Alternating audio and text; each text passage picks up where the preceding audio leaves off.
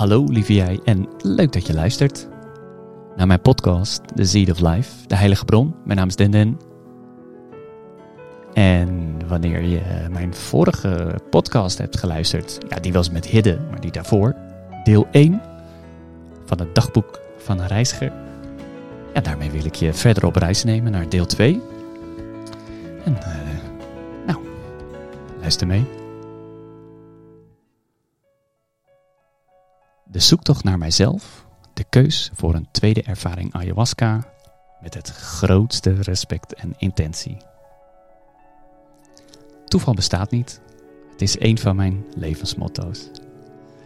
Maar over toevalligheden gesproken. Het is 9 november 2013. Precies, maar dan ook precies op de kop af. Exact dezelfde dag, 23 jaar later, na mijn allereerste ervaring met drugs sta ik in de kerk met een ervaring. En geloof me nogmaals, ik kan niet duidelijk genoeg zijn. Nooit doen. Vergelijk de grootmoeder ayahuasca nooit met dit soort middelen. Maar die magic number 23 dus. Precies. 23 jaar later sta ik na mijn eerste ayahuasca ervaring in een kerk in Amsterdam. Met zo'n toch nou, best heftige ervaring als je hebt kunnen horen in deel 1 Vol verbazing probeer ik mijn eigen gevoel te analyseren, maar dat gaat niet echt.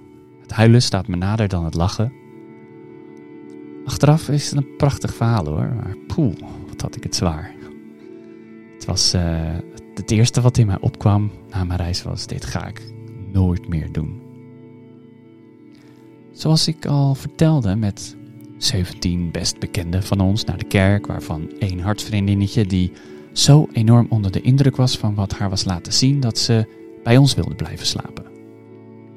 En er is nagepraat, tot nagepraat en nagepraat totdat we in slaap vielen. En de volgende dag, zondag, was al snel duidelijk. Ik en zij, ja, wij gaan snel nog een keer. En mijn lieve vriendinnetje, nou, die heeft zoveel moois gezien. Die heeft genoeg meegekregen de volgende maanden wat mee te doen. Dus tja, die heeft zich gewoon overgegeven aan ayahuasca. En ik, nou, dat heb je eerder kunnen horen in deel 1. Misschien heb je dat wel eens eerder gelezen op mijn website, deheiligebron.nl. Maar goed, de zoektocht wordt in gang gezet. We gaan de volgende keer reizen. Ieder heeft zijn zoon. Ja, ieder heeft zijn, zo zijn beleving. Maar in mijn wereld moest ik gewoon dit nog een keer gaan ervaren en dan in een chill-modus. Stel je het respect voor waarmee een wijze monnik zijn gebed doet, zoveel respect heb ik voor de Santo Daime-kerk. Die eerste ervaring in de kerk was zo belangrijk voor mij. Zonder deze ervaring kan ik niet omschrijven wat jij hier allemaal hoort en nog gaat horen. Dus heel veel respect en een hele diepe buiging voor deze ervaring in de Santo Duinkerk. Tja, al dan niet met een beetje ervaring uh, kun je dat zeker een keer proberen te ervaren, maar ik weet niet of ze nu nog operationeel zijn. Maar uiteraard alleen wanneer je geroepen wordt om te werken met dit soort medicijnen. In de chill-modus dus, op zoek naar een andere locatie. Al snel kom ik op een website terecht welke mij aanspreekt en de ruimte die ik zie, zie ik prachtige kleuren. Muziekinstrumenten, een foto van een ceremonieleider, welke ook goed aanvoelt. En, oh, bedjes. Yes, dat is wat ik wil ervaren.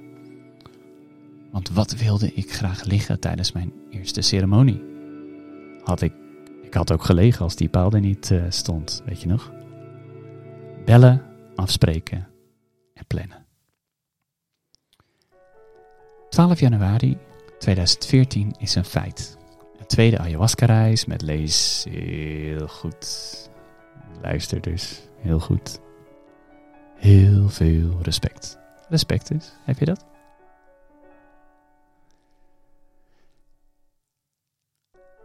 Na mijn eerste ervaring ga ik opnieuw op onderzoek uit. Ik bekijk opnieuw de documentaires, opnieuw de YouTube-filmpjes die ik ja, waar ik nu tijdens het kijken een totaal ander gevoel eh, bij heb.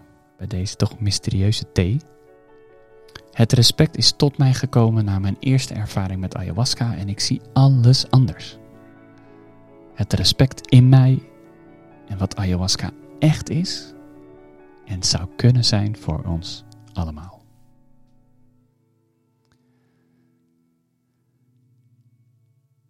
Generaties voor ons werkten al met dit medicijn. Diegenen die niet anders konden dan afgaan op hun gevoel. Geen microscopen, geen chemische goedjes om stoffen te ontleden. Afgaan op wat de planten hun vertellen. En zo zijn ze toch uh, tot hele mooie ontdekkingen gekomen, waar wij in onze cultuur nog heel veel van kunnen leren. Deze voorouders hadden geen wetenschap. Zij werkten en werken nog steeds door het luisteren naar hun gevoel, hun hogere ik, hun intuïtie. Heb je wel eens dat gevoel van dat stemmetje in jezelf? Had ik maar geluisterd. Achteraf meestal, precies. Je intuïtie, jouw hogere ik, je innerlijke ik. In een van de vele documentaires en podcasts die ik gehoord heb of gezien heb, is een onderzoeker diep, heel diep het oerwoud ingegaan. Daar waar stammen leven die nooit of te nimmer anderen zien, geen invloeden hebben van wat dan ook behalve de natuur. Hoe komen jullie aan jullie medicijnen? vraagt hij ze. Waarop het antwoord luidt: Dat vertellen de planten ons. Alles wat ik in mijn leven geleerd heb, is dat wat er in boeken staat. Dat wat mijn ouders hebben geleerd vanuit hun tijdperk. En dat wat leraren ons verteld hebben en wat de wetenschap lijkt te weten. Alles wat ons wordt voorgekoud lijken we als zoete koek te absorberen. Maar is het niet daarom misschien dat alles in de wereld nu zo loopt zoals het loopt? En hoe toepasselijk is dat nu op dit moment, in 2020? Wij zijn met z'n allen toch aardig de wereld aan het stuk maken, hè? de wereld. En dat in slechts, wat is het, 150 jaar? Nee hoor, als ik er zo over denk, dan. Ja, daar waar we denken dat de stammen en tribes in het oerwoud een achterstand hebben op wat wij hebben, ben ik er inmiddels achter dat we dan wel misschien alle technieken hebben waar ik zelf ook dol op ben. Lees computer, smartphone en podcast systeem. Maar dat we toch achterlopen in het gevoel wat we hebben met ons werkelijke zijn. Wij zijn in disconnectie met onszelf. Dat wordt mij meer en meer duidelijk. In alles wat ik opnieuw lees en opnieuw kijk, hoor ik ayahuasca, de grootmoeder van de entheogenen. Ze neemt je mee in haar wereld waar je jezelf kunt vinden, waar je een goed gesprek aangaat met jezelf, je hogere ik. En ik krijg inzichten van mijn reis in de kerk en ik voel haar in mij. Ik kan er niet omheen het werkelijke respect is geboren in mij en is zo ga ik mijn volgende reis tegemoet. Het is zondagmiddag, 12 januari, een uurtje of vier. We worden afgezet in Muiden. Ik en onze lieve vriendin. En mijn meisje blijft nog even hangen, zegt gedag en dan begint de ceremonie. Intenties worden uitgesproken, connecties zijn gemaakt, een fijne sfeer in de groep van een aantal onbekenden, inclusief een aantal bekenden en de reis kan beginnen. Na het eerste glaasje ayahuasca voel ik al snel dat ik word meegenomen in een wereld van prachtige kleuren en ik geef me over, ik betuig mijn spijt aan dat wat voor mij verschijnt. En een, verlichte spirit klinkt misschien wat vaag, maar het is een gedaante en energie. Het is, het is moeilijk te omschrijven, maar dat wat ik mij, waar ik mij 100% aan overgeef, aan de ervaring, hoe vreemd ook, is een feit. Het respect wordt gewaardeerd en ik word beloond met de mooiste vormen, kleuren, oneindige visuele schoonheden. Ik ben verliefd op deze wereld. Al snel mag ik wereldvrede stichten mag ik spreken over dit prachtige medicijn en laat ik presidenten, koning, koninginnen, alle leiders van onze wereld drinken van de ayahuasca. Waarmee er wereldvrede wordt gesticht. Want één ding is zeker, wanneer je naar ayahuasca niet voor wereldvrede gaat, liefde, samen zijn, delen, heel veel delen, kan geven zonder verwachting, dan heb je nog niet, voor mijn gevoel, goede ayahuasca-ervaring gekend. Grootmoeder ayahuasca laat zien wat jouw moeder, moeder aarde is. Everything is connected. Alles is verbonden, herhaalt ze me. Ik huil, ik lach, ik ben vol bewondering voor wat mij wordt laten zien. En wanneer ik het gevoel heb het een beetje te kunnen sturen, kom ik langzaam terug in de ceremonieruimte en hoor ik: Tijd voor een tweede glaasje? Tuurlijk, doen we. Op dat moment besef ik nog niet goed wat het eerste glaasje al voor me heeft gedaan. Maar uiteraard, ik zeg ja, ja tegen het tweede glas. En het verhaal welke mij is laten zien, welke zonde is niet te vertellen, dat hou je nog van me te goed. Tijd voor een tweede glaasje dus. Het respect is voor een paar seconden even verdwenen. Het is nodig, je krijgt, zoals ik nu heel goed weet, precies wat je aan kunt. En de lessen in de kerk, ja, die waren blijkbaar nog niet heftig genoeg. Ik wil meer, meer, meer, meer, meer, meer. Dat ben ik toch wel gewend, was het niet? Maar ik weet nu, het is het ego. Ja, die wilde wel wat meer. Spijt heb ik niet. Helemaal nooit meer inmiddels. Dat zul je wel lezen, lezen horen. Mijn vorige, mijn vorige en volgende verhalen.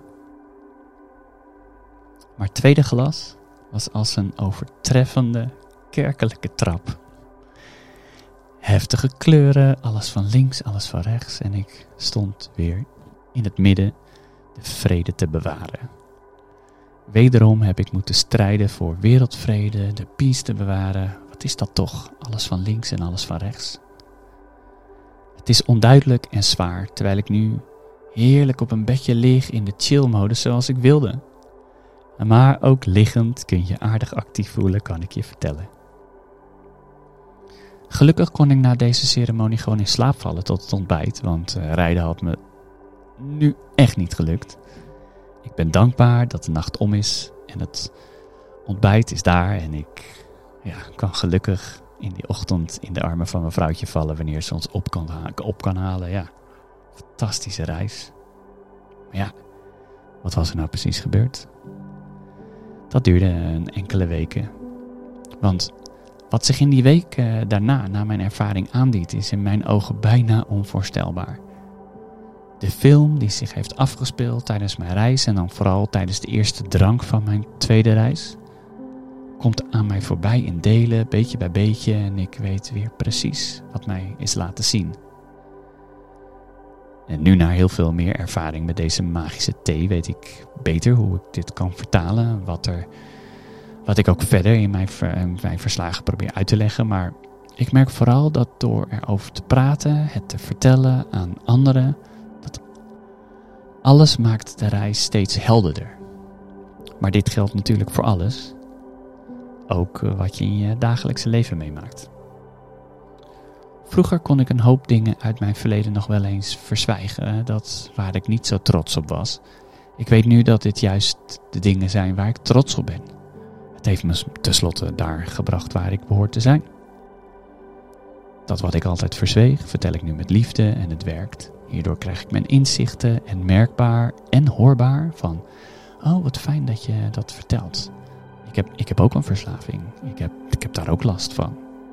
Het is fijn om je gevoelens te delen, maar vooral te kunnen delen aan diegenen die luisteren. Inzichten komen als zeer heldere momenten aan mij voorbij en het verhaal valt als een puzzelstuk in elkaar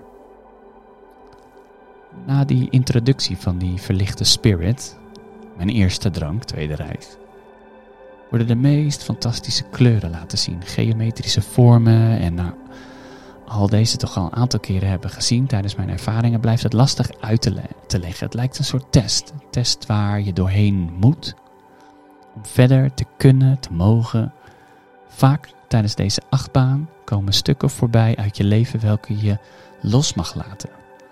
Dit kan door middel van overgeven, maar dan anders. Loslaten, zo zie ik het.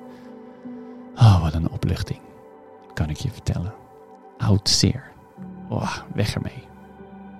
En dat is het, zo voelt het. Voor altijd achter je, letterlijk uitgekotst. Om het maar even anders uh, te omschrijven dan dat ik het kan omschrijven. Deze reis heb ik niet echt losgelaten, even leek het zo, maar tijdens de kleuren van het eerste drankje mag ik genieten van de ervaring. En opeens vlieg ik. Eigenlijk val ik van heel hoog. En terwijl ik naar beneden stort, zoek ik een manier om niet te vallen. Blijkbaar kan ik vliegen. Tja, je moet het maar weten. Gelukkig, ik zweef hoog boven de grond en alle geziene kleuren veranderen als een veld, wereld van mooie kleuren waar ik langzaam naartoe daal. Wat zich daar op deze wereld bevindt is wat lastig te zien van deze hoogte. En het vlekjes? Even kijken of ik wat dichterbij kan. Het zijn het puntjes. En ik daal verder naar dat wat lijkt, wat, de wat nu op de grond is, mensen. Ja, het zijn volgens mij mensen wat ik zie. Bijna geland kom ik tot de ontdekking dat het mensen zijn, een grote groep, waar ik ook heen vlieg. En ik, ja, ik, ik daal door en ik val en ik, ik zie inderdaad mensen die ik ken dichterbij komen, want herken ik gezichten. Wat een bekende bril. Ik ben het. Echt honderden keren in een veld van Dennison een veld van denden sta ik daar in het midden van mezelf. Wat is dit nu weer? Het lijkt eeuwig te duren mij af te vragen wat ik hier in hemelsnaam mee moet. En zo lang dat ik er een beetje gek van word. Een beetje gek van mezelf. Letterlijk. Wat heb ik hier aan? Zover als het oog kan zien, zie ik mezelf en niemand anders. Ogen dicht, reizen. Ogen open, focus je op het altaar. Huh? Komen die woorden nou ineens vandaan? Uh, 1 en 1 is 2. Ogen open, want ik snap hier helemaal niks van. Voor zover het lukt, til ik mijn hoofd een beetje op en zie ik het altaar. Daar in het midden van de prachtige ruimte, daar staat het. En ik herinner me direct dat ik de ring van mijn lieve meisje had meegenomen en op het altaar had gelegd. Yes, dat is het. Zij weet het antwoord wel op mijn vraag. En ik leg mijn hoofd weer neer, doe sluit mijn ogen en ik zeg: Strikje, strikje, help me alsjeblieft. Ik, ik weet niet wat ik met mezelf aan moet. Ik heb het nog niet uitgesproken en de tijd staat stil. Alle Dennissen staan als bevroren en ik bekijk mezelf één voor één en, en al die andere Dennissen en gek genoeg besef ik wat pas een tijdje later, als ik rond aan het kijken ben. Ja, ik ben wel aan het rondkijken. Ik, ik sta niet stil. Dat is, dat is vreemd. Ik bekijk mezelf. Ik, ik, ik kan gewoon bewegen. Dus het bijzondere is, ik zie mezelf. En ik kijk naar mezelf. Ik kijk naar beneden en ik zie mijn schoenen, mijn broek, mijn kleding. dit, is, dit is wat ik aan had toen ik vijf was. En vol verbazing kijk ik naar mijn armen en mijn handen. Die til ik op en ik zie ze voor me. En die kleine handjes en kleine vingertjes. Ja, dat ik ongeveer vijf ben. Terwijl ik naar mijn handen kijk en door mijn vingers, zie ik door de opening van mijn vingers in de onscherpte Hou je handen maar eens voor en je kijkt dan. Zie je in de onscherpte op de achtergrond zie je ook dingen. En ik zie door de opening van mijn vingers zie ik in de onscherpte een gedaante en langzaam laat ik mijn armen zakken. En daar staat ze hoor. Het allermooiste meisje staat daar voor me. En het is Stritje. Prachtigste meisje ooit.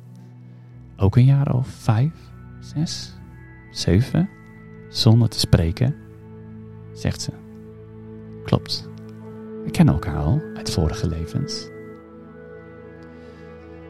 Alsjeblieft, vraag ik, geef me je hand en neem me mee hier vandaan. Net als in de kerk, neem me mee uit dit moment, geef me mijn inzicht. En mijn inzicht? Ja, die werd natuurlijk niet meteen duidelijk. Maar nadat ze mijn, mij haar hand gaf, begonnen we te lopen en alle dennissen veranderden in grasprietjes, welke tezamen veranderden in een prachtig grasveld. Waardoor we gelopen hebben. En terwijl ik op mijn bedje lag, voel ik iets. En ik voel in mijn gezicht, met mijn hand en ik. Ik huil, het stroomt met bakken. En wat ik later leer, dat echt mijn ziel zo hard heeft gehuild. Ik was zo kleddernat. Mijn hele t-shirt was zeiknat van het huilen. Maar ik ben nog nooit zo gelukkig geweest.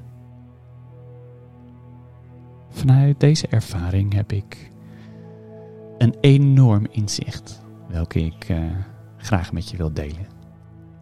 In deel 3 van mijn dagboek van de reiziger. En dan zeg ik dankjewel voor het luisteren. Wanneer je mijn deel 3 wilt horen en nog niet geabonneerd bent, druk dan op die knop. Zodat je een pop-upje krijgt waar je meteen ziet dat ik een volgende podcast heb geüpload. En dan wens ik je een prachtige dag en tot de volgende keer.